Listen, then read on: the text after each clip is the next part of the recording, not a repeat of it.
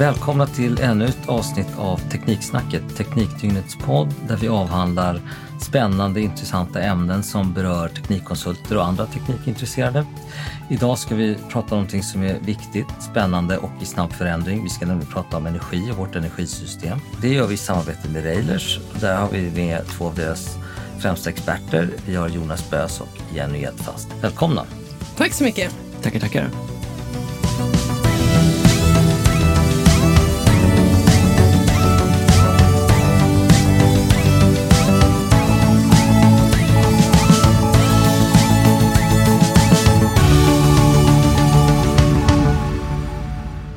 Vilka är de stora utmaningarna nu inom energiområdet när vi är på gång över mot förnybara energikällor? Det är ju väldigt stora utmaningar verkligen som vi står inför här och eh, det är ju ur flera aspekter men eh, kanske framför allt det här att vi ska ställa om i vårt kraftsystem ifrån att vi är väldigt idag beroende av kärnkraft och vattenkraft och ganska liten del av solenergi till exempel och vind.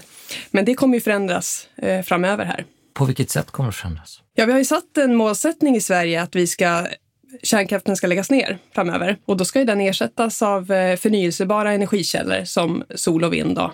Då handlar det om att det är mer oförutsägbart än kärnkraft, beror mer på, på vädrets makter. Så att eh, det här blir ju förändringar eh, i dynamiken i kraftsystemet helt enkelt och skapar utmaningar. Kan man säga att det skapar spänningar därför att eh, det är inte alltid så att när energin produceras är då vi som mest behöver använda den? Absolut, så är det ju. Vi har ju eh, idag ett monumentalt energisystem. I varje givet ögonblick så måste produktionen matcha konsumtionen. Och ska man gå över till att använda batterilösningar eller någon form av energilager så frikopplar man ju konsumtionen mot produktionen. Och det kommer behövas någon form av filter helt enkelt för att frikoppla de två faktorerna. För idag så är ju, om man tar till exempel solceller, det, det går ju egentligen att producera det mesta med solceller. Eh, men de facto praktiskt skulle det inte fungera helt att släcka ner de traditionella energikällorna långt har vi kommit? Men vi har kommit en bit på väg och det görs ju mycket innovation. Så att säga. Dels blir solcellerna mer effektiva och batterier utvecklas ju också mycket.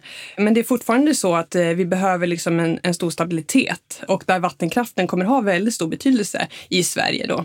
Så den kommer ju vara väldigt viktig framöver för att hålla balansen. Eh, men sen så tror jag att det som kanske hindrar till viss del utvecklingen att den inte har gått snabbare hittills.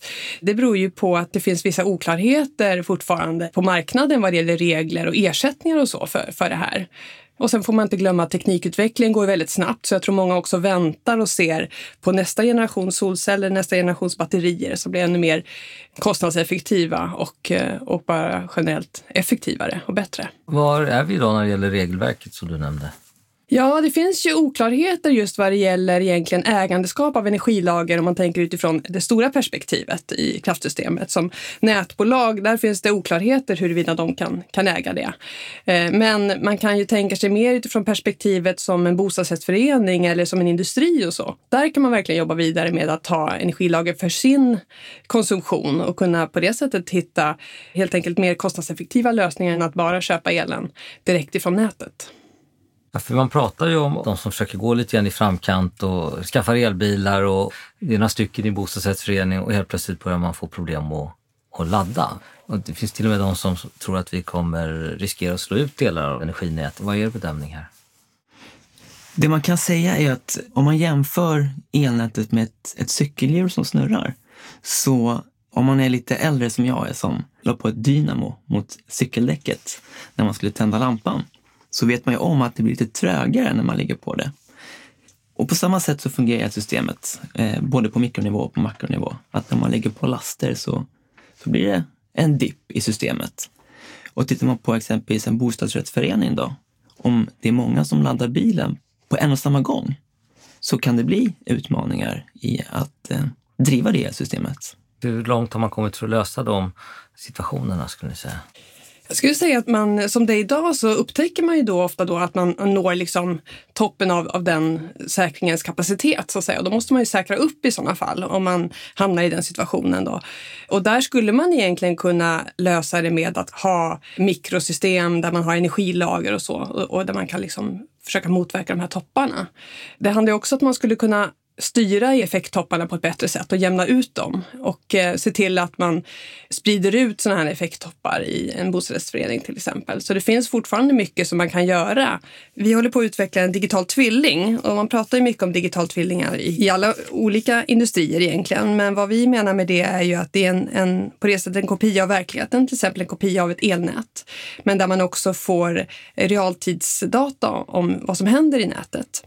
Och där kan man också göra simuleringar. Det skapar möjligheter egentligen för att, att se vad kommer hända om det blir strömavbrott eller om man då skulle sätta in eh, mycket, en stor andel elbilar så att effekten går upp liksom markant. Så det här skapar en stor möjlighet för elnätsägare att kunna simulera och se hur starkt är mitt elnät? Hur mycket ny laddinfrastruktur klarar mitt elnät idag? Och jag pratade nyligen med några kollegor här i Norge då, där en större andel elbilar finns ju eh, generellt i Norge än i Sverige än så länge. Så det är intressant att titta på Norge ur det perspektivet. Då. Och där har de tydliga problem i Oslo till exempel, där det blir sådana typer av effekttoppar. Och då påverkar det också elkvaliteten, så det kan eh, uppstå problem med till exempel induktionsspisar och så som, som är väldigt känsliga för det här, där man inte kan slå på sin, sin spis när grannen laddar elbilen. Då. Oh, tack, jag kan intyga när vi skaffade elbil så numera så fungerar eh, normalt två eller tre av fem plattor. Eh, ibland fungerar inte brödrosten vissa dagar. Det här är ju känsligare än vad jag hade kunnat föreställa Det var ingen som hade upplyst mig om att när du börjar ladda elbilen så, så kan du inte riktigt laga mat. Så Elbilar är ett jättebra koncept. Elbilar är dock inte grönare än hur elen tillverkas. Och i Norden så har vi fantastiska förutsättningar för att göra väldigt klimatsmart och eh, bra el. Det ska vi verkligen utnyttja för vi i Norden ligger verkligen i framkant. Så vi ska vara vägvisare och vi ska också sprida vår kompetens som vi har. Känner du att vi är där idag eller på väg dit eller eh, är det långt ifrån? Vi har precis börjat den här resan. Allt det här som har med, med el och med, om man tänker sig elektrifiering av transportsektorn, så är vi i början. Och Railers vill ju verkligen vara med. Tittar man på Internet of Things och när alla våra produkter som vi har i hemmet kan vara lite smartare och fördelas ut över dygnet. Man kanske till och med i framtiden kan låta sitt bilbatteri vara en tillgång i nätet, att man ställer sitt bilbatteri till elnätets förfogande. Justerar elnätet, en del eh, Cassandror och olyckskorpar tror att man kommer börja bygga om enorma mängder.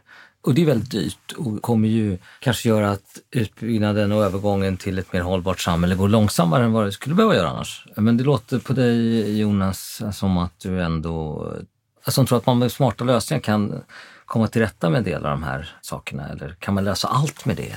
Det man kan säga är att vi kommer behöva göra stora förändringar i vårt elnät.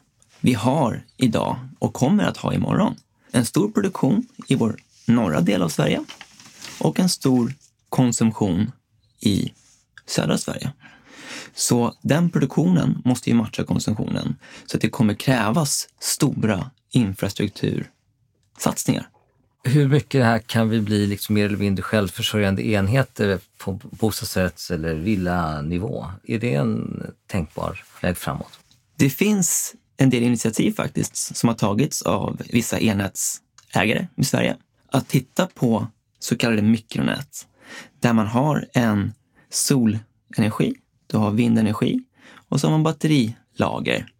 Det som är nyckeln till att det här ska fungera är att man har ett väldigt smart kontrollsystem som kan justera det här. Jag tror att det kommer vara möjligt eh, att man kan bli ganska självförsörjande egentligen i bostadsrättsförening i temporärt så att säga. Att man kan under perioder när solcellerna är mer effektiva eh, och man har ett bra batterilager och man kanske också använder, som Jonas sa här, elbilarnas batterier också, så tror jag att det kommer vara möjligt. Men jag tror att elnätet alltid kommer ha väldigt stor betydelse. Ni som jobbar på Railers jobbar ofta med större lösningar, inte bara hushåll antar jag, utan det, är större produktionsanläggningar, eh, tillverkningsindustri, annan typ av industri. Hur kan man jobba här med de här frågorna? Ja, för dem är de här frågorna väldigt viktiga. Det märks ju. De engagerar sig väldigt mycket i energifrågan. De är oroliga för att leveranssäkerheten kommer gå ner när vi har haft strömavbrott i Sverige eller stormar eller bränder och sådär. För dem är ju tillförlitligheten väldigt viktig. Till exempel elkvaliteten är också väldigt viktig för pappersindustrin och sådär, där dippar kan påverka väldigt mycket i produktionen. Och redan idag egentligen har de engagerat sig ganska mycket i att eh, se till att investera i förnyelsebara energikällor. Och de kommer också kunna med till exempel egna energilager kunna se till att ha en säker leverans där. Så att eh, de kommer också kunna göra mycket själva för att investera i det här. Hur långt kan man gå? menar, Sverige är och har varit eh, väldigt beroende av basindustri, skog och massa och gruvor och stål. Och, ja, det är ju ganska energiintensiv verksamhet. Eh, hur långt kan den här omställningen gå när det gäller de här typen av industrier? Ja, men jag tror egentligen att vi kommer kunna ha ett tillflytssystem också med förnyelsebar energi. Med smarta system, med investeringar i energilager och att man bygger om kraftsystemet för att kunna klara de här utmaningarna som finns så kommer man fortfarande kunna ha ett väldigt tillförlitligt system. Och jag tror också att det här är ju väldigt viktigt för Sverige. En annan sak som man märker är att fler och fler ehm, datahallar till exempel kommer till Sverige och eh, lägger sina viktiga datahallar här just för att man vet att Sverige har man tillförlitlig el, ganska billig el. Man har också eh, kyla och eh, andra fördelar som man gärna vill ta del av. Och det här måste ju vi värna om i Sverige och se till att, att fortsätta vara ett sådant attraktivt land. Är svenska företag bra på det här, både när det gäller köparsidan men också att utveckla nya lösningar? Kan det här bli en bra svensk gren. Absolut. Och precis som Jenny sa, att det här är någonting som vi ska värna om. Jag tror inte vi kommer att kunna eh, ställa om vårt elsystem till att bara vara sol och vind. Och jag tycker inte vi ska sikta på det heller, för vi har jättegoda förutsättningar att använda de naturresurser vi har som, som vattenkraft också exempelvis. Det är någonting som vi ska fortsätta göra och vi ska inte se som att vi tar bort någonting, utan vi ska se som att vi lägger till någonting. Vi lägger till sol och vind i vårt befintliga system. Kommer det kunna göra att vi kan fasa ut kärnkraften som ändå är politiskt beslutat, rent praktiskt? Med stora penseln så kan man säga att Sverige idag i princip består 50 procent av vattenkraft och 50 procent av kärnkraft. Det kommer vara en jätteutmaning att släcka ner kärnkraften. Jag tror vi kan klara oss utan kärnkraften. Men det krävs mycket investeringar i elnätet och det krävs också investeringar i att se till att vi får mycket alternativ produktion som vindkraft och solkraft. Och det kommer krävas mycket beslut. Vad blir utmaningen här? Blir det energilagren eller? Det blir det och jag tror också att vi måste, förutom energidagar så handlar det också väldigt mycket om det här med förbrukningsflexibilitet eller styrning som du var inne på tidigare Jonas med IoT-lösningar, att apparaterna i vårt hem styrs och vi fördelar ut liksom effekten över dygnet. Det kommer vara väldigt viktigt. Eh, så att det kommer kanske påverka också alla vi människor i samhället, hur vi använder el. Men jag tror att det kommer vara absolut möjligt och det finns ju mycket sådana system idag som man kan jobba med. Det sker ju mycket utveckling vi jobbar med det på Raiders men det finns många andra svenska företag också som jobbar med det här. Det kommer hända väldigt mycket de kommande åren. För att kunna jobba med privatkonsumenter så måste de lösningarna som erbjuds dem vara väldigt enkla och intuitiva. Så fort en lösning blir krånglig så kommer den vara svår att få ut på marknaden. Jobba med smarta och enkla lösningar kommer vara en väldigt viktig nyckel vad ska man ha för tidsperspektiv när man pratar om de här smarta enkla lösningarna? Är det liksom löpande eller kommer det vara trösklar? Jag tycker man ser ganska mycket exempel redan nu. Och det finns ju vissa bostadsrättsföreningar och eh, bostadsföretag egentligen som har tagit ganska mycket egna initiativ att jobba med det här. Eh, och jag tror att eh, många på marknaden tittar på det och, ser hur det kommer gå med den typ av styrning som de har lagt in. Och sen kommer det vara framgångsrikt så kommer det gå ganska snabbt tror jag. Att fler kommer vilja ha sådana typer av system. Har, har ni några intressanta exempel ni kan lyfta fram här? Till exempel så har vi jobbat med eh, Gotlands Energi eh, där vi jobbar mycket med energieffektivisering. Och energieffektivisering är ett sätt att eh, fördela ut effekten också. Att man till exempel vad det gäller kommuner som äger mycket skolor och fastigheter, ishallar och sånt som är energikrävande. Se till där att man styr belysning, att man styr värme, att man eh, jobbar med att byta ut belysning som är mindre effektkrävande också, är viktiga delar. Så där finns exempel på vi gör det. Får de här eh, kan man säga, mikroåtgärderna stora effekter sammantaget på makroplanet? Absolut, det är min uppfattning att det kommer att ha stor betydelse. Det effektproblem som finns idag är ju mycket kopplat till storstäder. Där kommer det påverka mycket hur vi som människor egentligen använder el. Det här är ju ganska stora förändringar som ändå ska ske, det kan vi vara överens om. Kan man förlita sig på det man inom nationalekonomin kallar för den osynliga handen som ska styra det här, det vill säga marknaden klarar det själv? Eller behövs det samordning mellan det offentliga och det privata? Det görs initiativ idag redan faktiskt. Svenska kraftnät, Affärsverket, har fått i uppdrag av regeringen att börja titta på och har kommit ganska långt i att eh, implementera en elmarknadshubb elmarknadshubben i sig kommer att möjliggöra helt andra typer av tjänster inom energiområdet. Idag är det en väldigt tydlig distinktion mellan elnätsägare och elnätshandlare. Och man som konsument får två fakturer idag. Och en så enkel sak som att elhandlarna kommer sköta elnätsdelen i framtiden är en av de effekterna. Och vad kan man ha för tidsperspektiv här? Som det ser ut nu så ska det här projektet e-marknadshubben var initierat 2024. Det är ett uppdrag som då Svenska kraftnät och Elmarknadsinspektionen har fått. Elnätet och elmarknaden är ju en reglerad marknad som regleras av Elmarknadsinspektionen. Så de måste vara högst involverade i projektet. Då. Men Svenska kraftnät har fått uppdraget att vara samordnare av det här. De här utmaningarna och, och möjligheterna som vi står inför kommer ju kräva en hel del eh, funderande, utvecklande. Behövs det fler ingenjörer som jobbar med det här? Skulle ni säga? Det behövs verkligen. Vi jobbar mycket med att få in fler yngre i vår bransch. Och det är viktigt också utifrån flera perspektiv. Att det behövs fler smarta människor helt enkelt som jobbar med det. Men det är också så att vi behöver också kombinera eh, traditionell elkraftskompetens med ny typ av kompetens. Railers har jobbat inom det här området med elnät och energi egentligen i 75 år. Eh, så vi har väldigt mycket erfarenhet och kunskap om olika tekniska lösningar. Men nu med tanke på den utveckling som sker och med en otroligt koppling till egentligen IT-lösningar där man pratar styrning och sådana delar. Så där behöver vi också tillföra kompetens inom IT-delen och där där handlar det mycket om att rekrytera yngre och rekrytera personer från egentligen andra branscher också som behöver tillföra energibranschen mycket. Så hur skulle ni tänka om det var en ung person som börjat eller ska börja på KTH? Är liksom energi ett, någonting man ska jobba med och hur skulle ni sälja in det? Ja men verkligen, vi jobbar ju mycket med det. Och jag tycker också att det är väldigt kul att prata om det. Jag har jobbat inom energi i 20 år och orsaken till att jag tycker det är så kul att göra det är just att jag ser det som en otroligt viktig samhällsinfrastruktur och att man kan vara med och verkligen se till att vårt samhälle blir bättre och eh, mer eh, miljömedvetet. Och det känner jag också är någonting när jag pratar med unga ingenjörer, att det är någonting som har stor betydelse för många unga också, att få vara med och bygga samhället egentligen. Railers, vi involverar oss i olika ledningsgrupper för utbildningar.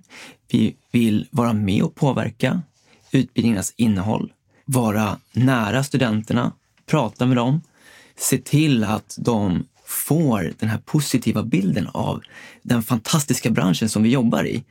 Energisystemet är så fundamentalt för det leverne vi lever. Det märker vi också att studenterna känner det. Vi vill göra ännu mer för att fler ska välja den här inriktningen.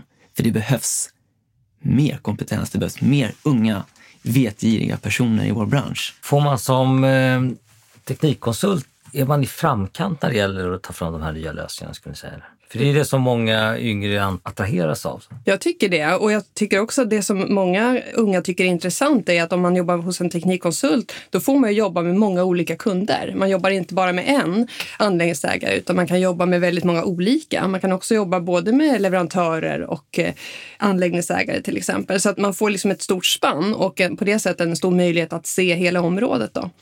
Sen ser jag också att i och med att vi jobbar mycket med utvecklingen och, och vill vara proaktiva mot våra kunder kunder och kunna visa vad som finns runt hörnet så handlar det ju inte om att man går sin utbildning och börjar jobba och sen är man klar. Utan nu för tiden så är det ett ständigt lärande. Man måste hela tiden lära sig vad som händer på, på området, nyheter som dyker upp, forskningsinsatser som görs. För att utvecklingen går otroligt snabbt på det här vad gäller solceller, energilager och styrning av system, artificiell intelligens och så vidare, hur man kan använda det. Så det är liksom en ständig utveckling och det jobbar vi verkligen med, att man får eh, hela tiden till sig ny kunskap. Så något för en vetgirig som vill påverka alltså? Ja, absolut. Absolut, verkligen. Om ni skulle få lyfta varsitt exempel som ni tycker är extremt spännande, det behöver inte vara exempel som ni jobbar med, men som är så här, wow, det här tycker jag var riktigt coolt, häftigt, spännande, bra, viktigt.